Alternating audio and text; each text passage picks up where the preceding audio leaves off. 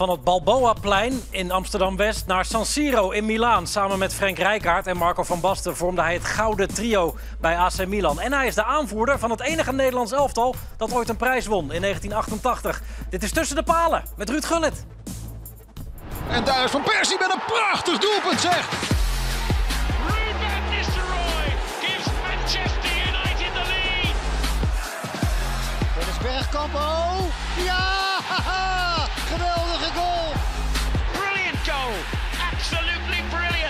Ronald Koeman uiteraard. Dus schitterend hard en raak. Dirk Kuyt does what he knows best. And that is brilliant!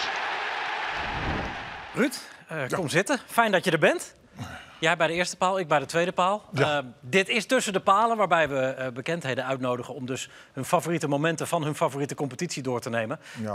Eh, nou was Engeland ook een optie, want je hebt in Engeland gespeeld en Ja, getraind. ja, maar het was te kort, hè? Ja, Twee jaartjes. Natuurlijk als trainer ook nog wel, maar eh, ja.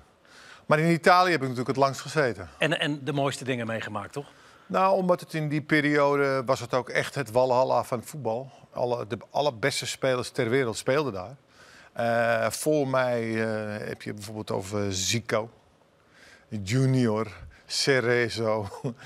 Eh, ja, dat waren allemaal geweldige spelers die daarvoor al indruk maakten. Ja, en die speelden allemaal daar. Was dat ook voor jou op dat moment, want jij kwam bij PSV vandaan, het beloofde land? Was jij Ja. heel duidelijk van, ik wil naar Italië toe? Ja, ik, ja, dat was alles. Ik weet nog wel dat ik daarvoor ook even in, in Italië ben geweest. En toen proefde ik al een beetje de sfeer daar. En toen dacht ik van mezelf, nou, ik zou hier best wel willen spelen. En, eh, en, en vooral ook omdat ik toen van heel veel spelers ook eh, mondiaal hoorde... Van dat het geweldig was in Italië.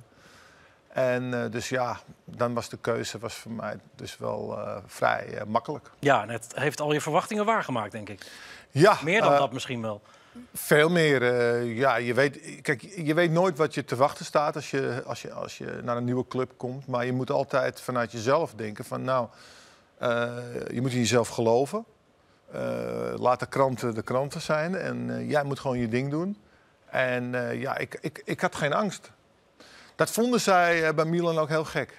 Dat je zonder angst binnenkwam. Ja, dat vonden zij raar. Want ik weet nog wel dat eh, het begin... eh, ja, ik ben een babbelaar en, eh, en dan was het eh, voor de wedstrijd even eten. En dan zat ik eh, te lachen en te praten. Die gasten waren allemaal stil. Volledig ontspannen. En die zaten naar mij te kijken zo. En dan gingen ze naar de trainer kijken hoe die weer op mij reageerde. Eh, en in het begin was dat, ja, was dat voor hen heel gek. En ik weet nog wel, zelfs later nog, het jaar daarna speelden we met Milan tegen Real Madrid. De eerste keer uit. En ik sliep met Ancelotti op een kamer. En de volgende morgen stond hij voor, me, voor, me, voor mijn bed. En ik werd wakker en ik... Wat is er? Hij zei, jij, ik heb de hele nacht naar je gekeken. Ik heb geen oog dicht gedaan. En jij sliep daar maar als een baby. Je hebt niet één keer. Hij zei, hoe kan je slapen? Nou, als we zo'n wedstrijd tegen Real Madrid. En toen zei ik ook tegen hem, nou, ik weet niet waar je druk om maakt. Want wij zijn veel beter als Real Madrid. Dat, kon niet, dat kon niet in zijn hoofd. Dat zat gewoon in de Italiaan is altijd in de verdediging. Die Ja. zit altijd van, oeh, die is altijd op het ergste geprepareerd. Terwijl ik, dat had ik helemaal niet. Maar zat daar 0% theater bij? Had jij wie? nul? Nee, bij jou. Had jij, had jij gewoon Nou ja, nul nee. stress over Nee, wedstrijden? nee, ik had wel druk. Bijvoorbeeld, ik, ik, ik, ik wilde gewoon goed spelen. En in de bus, als ik naar het stadion ging, speelde ik die wedstrijd al in mijn hoofd. Zag ik mezelf al spelen. En, eh, maar ik had niet eh, de angst om te verliezen. Die had ik niet. Ik had altijd de overtuiging dat ik kon eh, winnen. En ik voelde ook wel aan of iets goed ging of slecht ging. Dat is wel makkelijk. D- dat lijkt me Want wel, ja. dan, dan, dan blijf je ook wat rustiger. En, eh, dus ik, ik had wel de druk van het presteren. En dat was een heerlijke druk. Die vond ik heerlijk om te voelen. Maar ik had geen angst om te falen. Dat Ja. ik absoluut niet. In je eerste jaar, want zo is het ook, leverde je ook wel gewoon meteen. Eh, ja, dat had ik ook niet wedstrijd? verwacht. Ik, ja, dat Nee. nee dat, je, je gaat gewoon je ding doen. Ehm, kijk, je moet rekenen. La- laten we ondertussen, sorry dat ik je onderbreek, eventjes naar het, het eerste fragment gaan. Jouw favoriete Ja. wedstrijd, aller tijden, Serie A, is 1988, einde van je eerste seizoen. Napoli-Milan. Ja, wij moesten toen winnen. Eh, deze goal die ging vlak langs mijn hoofd. En ik kwam echt wel hoog. Maradona. Maar het ging meer om de preparatie naar die wedstrijd toe. Wij gingen vanaf Milaan vertrokken we naar, eh, naar Napels. En we gingen daar met twee vliegtuigen naartoe. Twee privévliegtuigen. Nou, en ik dacht bij mezelf, wat moet je nou met twee vliegtuigen? Nou, eh, in het tweede vliegtuig zat, eh, zat, het, eh, zat eh, al het voedsel. En alle begeleiders van het voedsel. En in het eerste vliegtuig, daar zaten wij allemaal. En zij wilden gewoon dat niemand in Napoli ons voedsel kon aanraken. Want ze waren bang dat ze wat in ons voedsel zouden gooien. Ja. Dus ze hadden de hele afdeling afgehuurd. Plus de keuken, koks, alles, is- alles, alles was van Milan. Maar dat is een soort militaire operatie. Ja, dat was een militaire operatie. Want ik weet nog wel, wij kwamen aan op het vliegveld. En daar, daar stapten we ook van het vliegveld, of vliegtuig meteen in de bus. De bus stond naast. Vanaf daar kregen we begeleiding met politie over om ons heen. En we kwamen, we gingen ja, een beetje door de havens en weet ik. En op een gegeven moment kwamen we in de stad. Nou, toen zagen we al die mensen begonnen te schreeuwen, gooien. Nou, wat, wat, wat ze allemaal niet naar ons toegegooid hebben, is ongelooflijk. Wij sliepen toen in het eh, hotel. Ik dacht dat het zoiets van 20, 25 etages was, op de hoogste etage. En ze hebben ons geprobeerd de hele nacht wakker te houden. Ja, maar jij hebben- sliep? Ja, ik sliep gewoon. Ja, zoals altijd. Ja. Maar hoe Nou, ging jij daarmee om dan? Je vertelt Nou, net het was meer alsof ik zat te kijken van wat een gekkenhuis. Maken jullie je druk om? En eh, ja, maar het was ook een eh, soort avontuur. Ik zat ernaar te kijken en ik, dacht van, nou ja, Werd jij daar beter van? Ja, dat weet ik niet. Ik zat er gewoon met, eh, ja, ja, het liet me gewoon allemaal op me afkomen. Het maakte geen indruk. Maar het was wel zoiets van, ik zat naar een film te kijken. Nou, de volgende morgen gingen we naar het stadion toe. Nou, allemaal scootertjes, brommetjes om ons heen. De bus werd volgegooid met eieren, met sinaasappelen. Toen we aankwamen het stadion, nou echt... En het leek wel echt, echt wel want die, die bus werd volgegooid. Het was echt, die, die zag er niet meer uit. Dus ze probeerden ons wel te intimideren. En, eh, maar wij waren, ja, we waren gewoon overtuigd van onszelf. Nou, ik was overtuigd dat wij hier wel wat eh, konden doen. En, eh, maar het was een lastige wedstrijd. Ja, Dat jullie wonnen met 3-2 eh, uiteindelijk. Eh, Nou, mede dankzij eh, een assist van jou. Het veld was nog groot toen. Nou ja, ik had een beetje ruimte, dus ik rende er gewoon langs. Ja, en Marco, ja, die kan ik er beter aan hem geven. Zit hij erin? Snap je? En dat heb ik al zo vaak gezegd. Weet je, en Marco stond op het goede plekje. En eh, die wa- kwam net weer terug van blessure trouwens. Enkel blessure, Ja, uiteraard. En, ja, en het was voor hem ook lekker, weet je. Voor mij was het lekker, we wonnen die wedstrijd. Ik weet nog wat Marco, op het laatst stond hij gewoon voorin. En eh, hun probeerden nog gelijk te maken. En die zak die werd helemaal gek. We schreeuwen naar Marco dat hij terug moest gaan. Maar ja, ik, ja het was...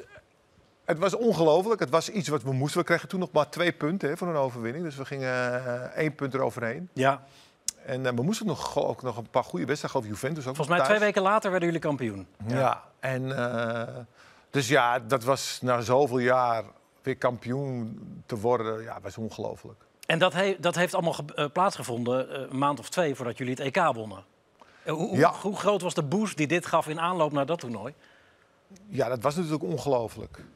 Voor mij, toen zeg maar het kampioenschap erop zat, had ik een soort van, ja, ja, van, ja, het is gebeurd. Weet je, dan, dan krijg je een soort van, ah, dat je even kan relaxen. Alleen op dat moment dat je dat hebt, want je, je, je hebt zoveel hard gewerkt dat hele seizoen. In één keer denk je, oh ja, ik moet nog een toernooi spelen. Nou, en om dat weer op te laden, daar had ik heel veel moeite mee. Dat was, mijn lichaam was gewoon op van het hele harde werken, dat hele seizoen. Ja, maar uiteindelijk leverde je ook daar nou, gelukkig. de finale. Nou ja, ik, ik deed het met wat ik had. Eh, Gelukkig was Marco daar, die was helemaal fit. Die had natuurlijk het hele seizoen niet gespeeld. En die kwam dan net. En ja, daar, ik hoefde alleen maar, net zoals nu, die bal aan Marco te geven. En die, die maakte er wel wat van. Ja, als favoriete speler, eh, beste speler van de Serie A, noem je niet Van Basten, had je ook kunnen doen. Maar toch jouw Ja. tegenstander van die dag in mei, eh, de andere nummer 10, Diego Maradona. Ja, Diego was ongelooflijk. Ik, eh, we hebben zoveel keer tegen elkaar gespeeld. Ik heb hem gezien dat hij echt, dat mensen echt. ik geloof Ancelotti met Frank en, en Donadoni probeerden pressing op hem uit te voeren. Maar kijk nou eens even. Dit was het jaar voordat ik kwam. Ja. ja, hij was echt. Hij was een god. En dat kon ik me wel voorstellen. Want als je, naderhand- als je in Napels, als je ziet in Italië hoe de Noord en het Zuid zo erg eh, ja, gescheiden is eigenlijk. En gescheiden bleef ook door de mentaliteit van de mensen. Eh, je, je kreeg zelfs politieke partijen die het noorden van het zuiden wilden scheiden. En hoe belangrijk dat in Napels was. En wat hij daar voor die, voor die mensen heeft gedaan was ongelooflijk. En dat zag ik, dit soort momenten zag ik dan van Diego daarvoor. Dat shirt was ook geweldig. Ik heb nog zo'n shirt, hè. dat was een Echt beetje waar? wol. Ja, dat was een soort wol. Ja. Wolachtig spul. Niks voor in Napels in de zomer in ieder geval. Nee, nee, nee, nee, nee. Maar het, het was. eh, maar hij belichaamde eigenlijk, vond ik, wat de, de Serie A eigenlijk eh, was. En, en, en hij. Wat was dat dan? Nou, hij gaf het gewoon elan. Hij gaf het klasse. Ehm, je, kijk, je kon toen nog maar met drie buitenlanders spelen. En iedere club had er, eh, had er drie. Kijk eens even. Ja, ja het was echt... Het was echt ongelooflijk wat hij daar presteerde. En hoe makkelijk. En hoe goed. En eh, hoe sterk hij was. En, eh, ja, en in die tijd mocht, kijk, je mocht nog echt gewoon tackles ge- geven. Schoppen mocht. Ja, en hij had, ja, ik heb daarna met hem nog gesproken ook nog een keer, toen ik een tijdje bij Milan speelde. Ze probeerden ons in het begin wel een beetje tegen elkaar op te zetten. Hè, van, Ja. eh, maar ja, ik zei al meteen van, nou, dit is het allerbeste voetbal dat ik ooit heb gezien. Daar hoef ik helemaal niet over te twijfelen.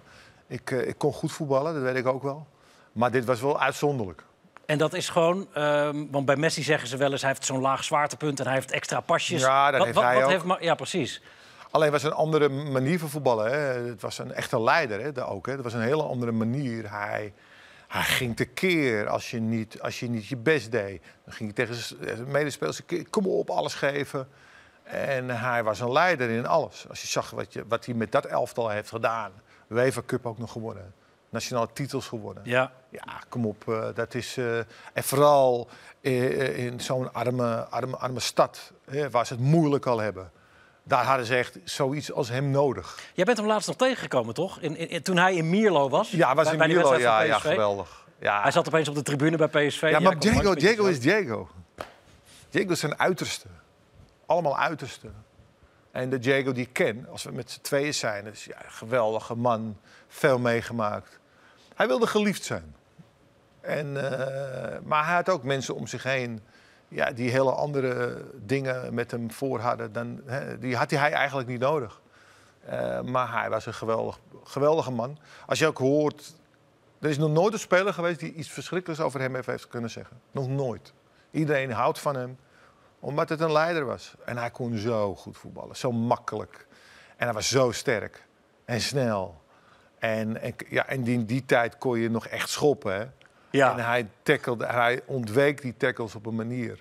Ja, dat was voor mij echt ongelooflijk om te zien. Nou ja, je zegt hij belichaamt alles wat de Serie A eh, was in, in, in die periode. Ehm, je hebt een fragment ook uitgekozen over wat er nu een beetje speelt in de Serie A. En wat het niet belichaamt, maar wat wel echt een issue is momenteel.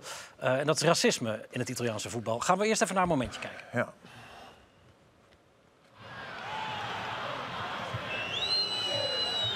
Het parcours. Kien! Weer mooi Kien.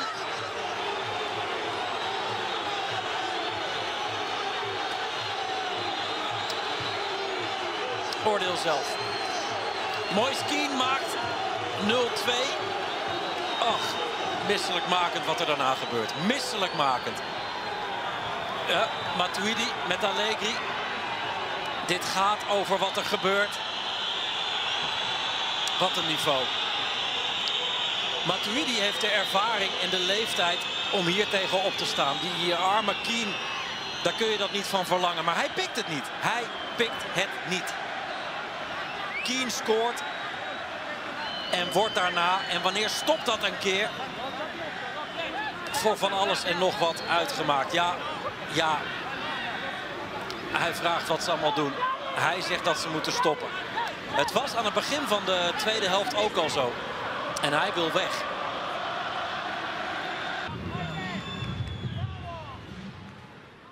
Hoe kijk je hiernaar?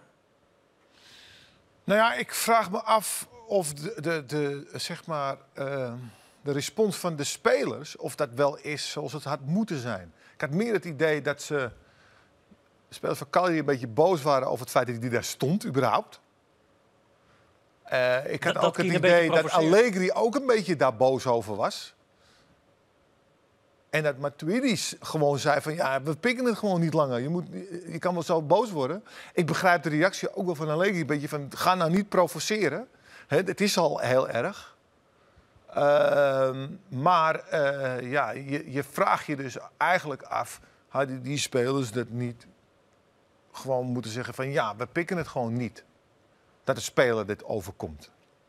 Ehm, nou, in mijn tijd eh scholden ze je gewoon verrot. Maar niet vanwege je afkomst. Ehm, nee. Meer gewoon omdat ze je uit je concentratie wilden halen. Want ze klapten ons ook, daarna klapten ze gewoon voor ons. Eh, men had wel heel veel begrip voor de manier hoe Milan voetbalde. Daar kwam, mensen kwamen ook kijken voor ons. Maar oerwoudgeluiden, eh, eh, apengeluiden. Nee. Nou ja, ik heb het wel meegemaakt. Maar ook in Nederland, hè. Toen ik Ja? van, ja, toen ik van, eh, hoe heet het? Toen ik met PSV kwam bij Feyenoord. Toen kreeg ik allemaal bananen naar mijn hoofd. Dus, eh, maar nou, weet ik niet. eh, ja, ja, je? dus het is niet alleen maar in de Serie A, weet je. Het, is, het, is, het kan overal gebeuren. Het enige wat je moet doen is gewoon goed voetballen. Maar er zijn grenzen. Als er mensen zijn die... Waar, elke grens is, is erger, hè? Of, of die heeft een verschillende een hoogte van grens natuurlijk. Eh, en dit was gewoon genoeg.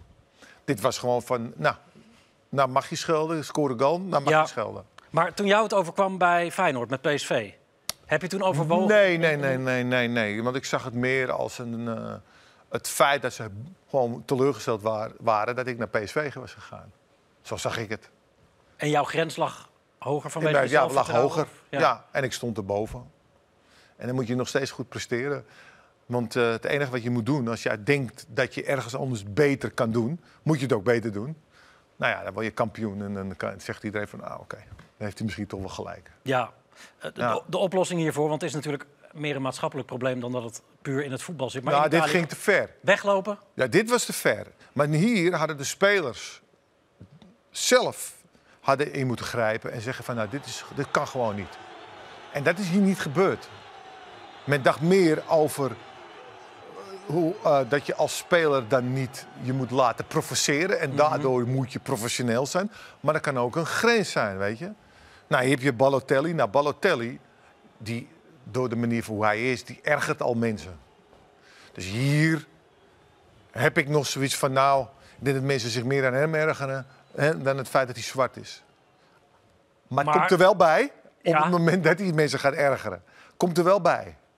Dus, dus, dus ook al ben je een vervelende eh, man, dan nog moet het niet gaan om zijn huidskleur. Moet het nog gaan om het feit dat het gewoon een vervelende man is. Ja. Ja. Wa- Wat jij zegt uiteindelijk is dat je dan... eh, eh, het beste wat je kan doen is misschien sportieve wraak nemen. Door ze dus Ja. met je spel het zwijgen op te leggen. Nou ja, dat, die goal, dat was dat. Nou ja, exact. We- de- Een, een andere ingang is dit, maar wel naar sportieve wraak. Jij vertrok bij Milan Ja. op een manier die jij niet wilde. Nee, ik, ik was. eh, Nou, dat werd een beetje zo eh, nadat ik die operaties had gehad, van dat ik dus niet twee of drie wedstrijden in de week kon spelen. Dat werd een beetje door de, door de, door de medische staf werd dat een beetje ja, in stand gehouden. Maar ook door Milan zelf. En ik kreeg de kans niet om dat te bewijzen. Want als je niet speelt, ja, dat was verschrikkelijk. En de druppel van mij was natuurlijk de finale in, eh, tegen Marseille in, eh, in München. Dat Ja. ik niet, niet eens op de bank zat. Toen dacht ik van, weet je wat? Jullie kijken maar altijd, ik was echt boos. En eh, na afloop heb ik ook in de gang gestaan, zo. Want dan, dan zijn de, dan, dan, als je verliest, dan zijn we niet meer zo groot, hè? En ik keek ze zo aan, zo. Ik zei niks, maar keek ze alleen maar aan. En dat was de druppel. Wat voor blikken kreeg je terug? Eh, nou, dat weet ik eigenlijk niet. Dat interesseert me niet zo. Maar ik had mijn besluit genomen. En eh, eigenlijk, eh, omdat ik op vakantie was in Forte di Marmi, kwam ik eh, Kiko Evani tegen. Die was naar Sampdoria gegaan. Die zei, hey, waarom kom je ook niet bij ons? En ehm, eh, toen ben ik naar, naar Sampdoria gegaan. Ehm Montovani was daar ook op vakantie. Was ik bij hem in, zijn, in zijn huis. En daar hebben we een uurtje gesproken over van alles. En we waren zo klaar met het contract. En eh, ik begon, denk ik, aan mijn allerbeste seizoen ooit in de Serie A. Ik scoorde, geloof ik, 16 goals. Ik was in vorm, eh, ik had alles. En eh, dus toen ik tegen Milan moest spelen... Ik had al een keer tegen Milan gespeeld, of twee keer al. Eén keer in een toernooi. Scoorde ik ook. Kopbal. Speelde volgens mij gelijk, ik weet het niet helemaal. In de competitie verloren we wel uit bij Milan. En eh, toen we thuis speelden, toen... eh, ja, ik had gewoon een, een rekening te vereffenen. Niet zozeer met Milan en met, eh, degene, eh, met de spelers, maar meer met het feit dat ik de kans niet kreeg van Milan om te laten zien wat ik kon en wie ik was. Laten we het doelpunt er even bij pakken. Want je scoort in die wedstrijd. Ja, Sampdoria-Milan. ja, Het is A, een wereldgoal. En B, komt er iets bij je los? ja. Nou, normaal zeggen ze altijd, je moet niet juichen hè, tegen jouw club. Nou, Nee. dit, maar dit was niet tegen Milan. Dit was meer tegen het feit van, kijk, dit krijg je nou als je me gaat tarten en als je gaat zeggen dat ik geen drie... Want het vervelende door het hele geval dat zij zeiden en dat ze dat suggereerden... dat geen grote clubs meer voor me kwamen. En dat is wat ze ook wilden. Dus ze wilden dat ik naar Torino ging. Nou, ik ging zelf bepalen naar, naar- naar- bij wie ik ging spelen. En eh, ja, maar je moet toch met ze praten en met mensen van Milan. Ik zeg, nee, dat doe ik niet. Je wordt opnieuw een beetje pissig nu, of niet? Nou ja, omdat zij probeerden me echt weg te douwen. En, toen, eh, en, en dat vond ik ook al vervelend. Dus daardoor was ik zo eh, ongelooflijk ge- gebrand dat seizoen. Niet zozeer voor, voor die spelers, maar meer om het feit dat ik toch bij een goede club ben gekomen. En eh, ja, we wonnen daar eh, de beker, hè, Ja. de Italiaanse beker. Voor de duidelijkheid, Sampdoria was toen ook gewoon een, een hele behoorlijke club. Eh, Behoorlijke club ja. was niet het allerhoogste niveau. Ik dacht dat het jaren daarvoor iets beter was. Toen Vialli er nog speelde. Want toen hebben ze nog de finale gespeeld hè, tegen, tegen Barcelona. En, Wembley, Koeman. en ja. volgens mij een paar jaar da- daarna kwam ik. En ja, dit was eigenlijk gewoon alles zat hierin. En het feit dat ik zeg tegen mij dat ik niet moest gaan juichen, nou echt. Ik moest, dat was alle frustratie eruit. Ja. Ja, En, en iets later wa- kwam je terug bij Milan. nou, dat was wel een foutje, ja. Dat had ik Van nooit jezelf? moeten doen. Ja, Ja. dat had ik niet moeten doen. Het schijnt dat Berlusconi eh, na die wedstrijd zou die gezegd hebben... eh, Gullit hoort gewoon bij ons. Nou, ik weet wel dat zij gesmeekt hebben om me terug te halen. Want eh, ze wisten toen op een gegeven moment ook al dat Marco het niet meer zou redden.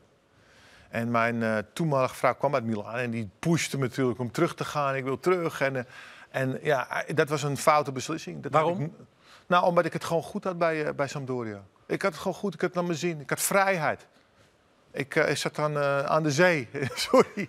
Ik had, ik had eigenlijk alles. Dat, dat is een fout geweest. Ja, dat ik me daar toch heb laten beïnvloeden, dat had ik niet moeten doen. Maar dat is eigenlijk die goal die je maakt, maar dan in het groot. Je wilde nog weer even wat laten zien daar. Eigenlijk wel. En ik was ook een beetje ge- toch wel weer gestreeld door het feit dat Milan me toch weer terug wilde. Van nou, oh, oh, dus, dus ik kan het toch?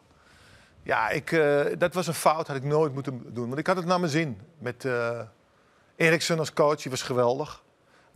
Eriksson, Mancini was een speler die ondergewaardeerd was. Was een geweldige voetballer.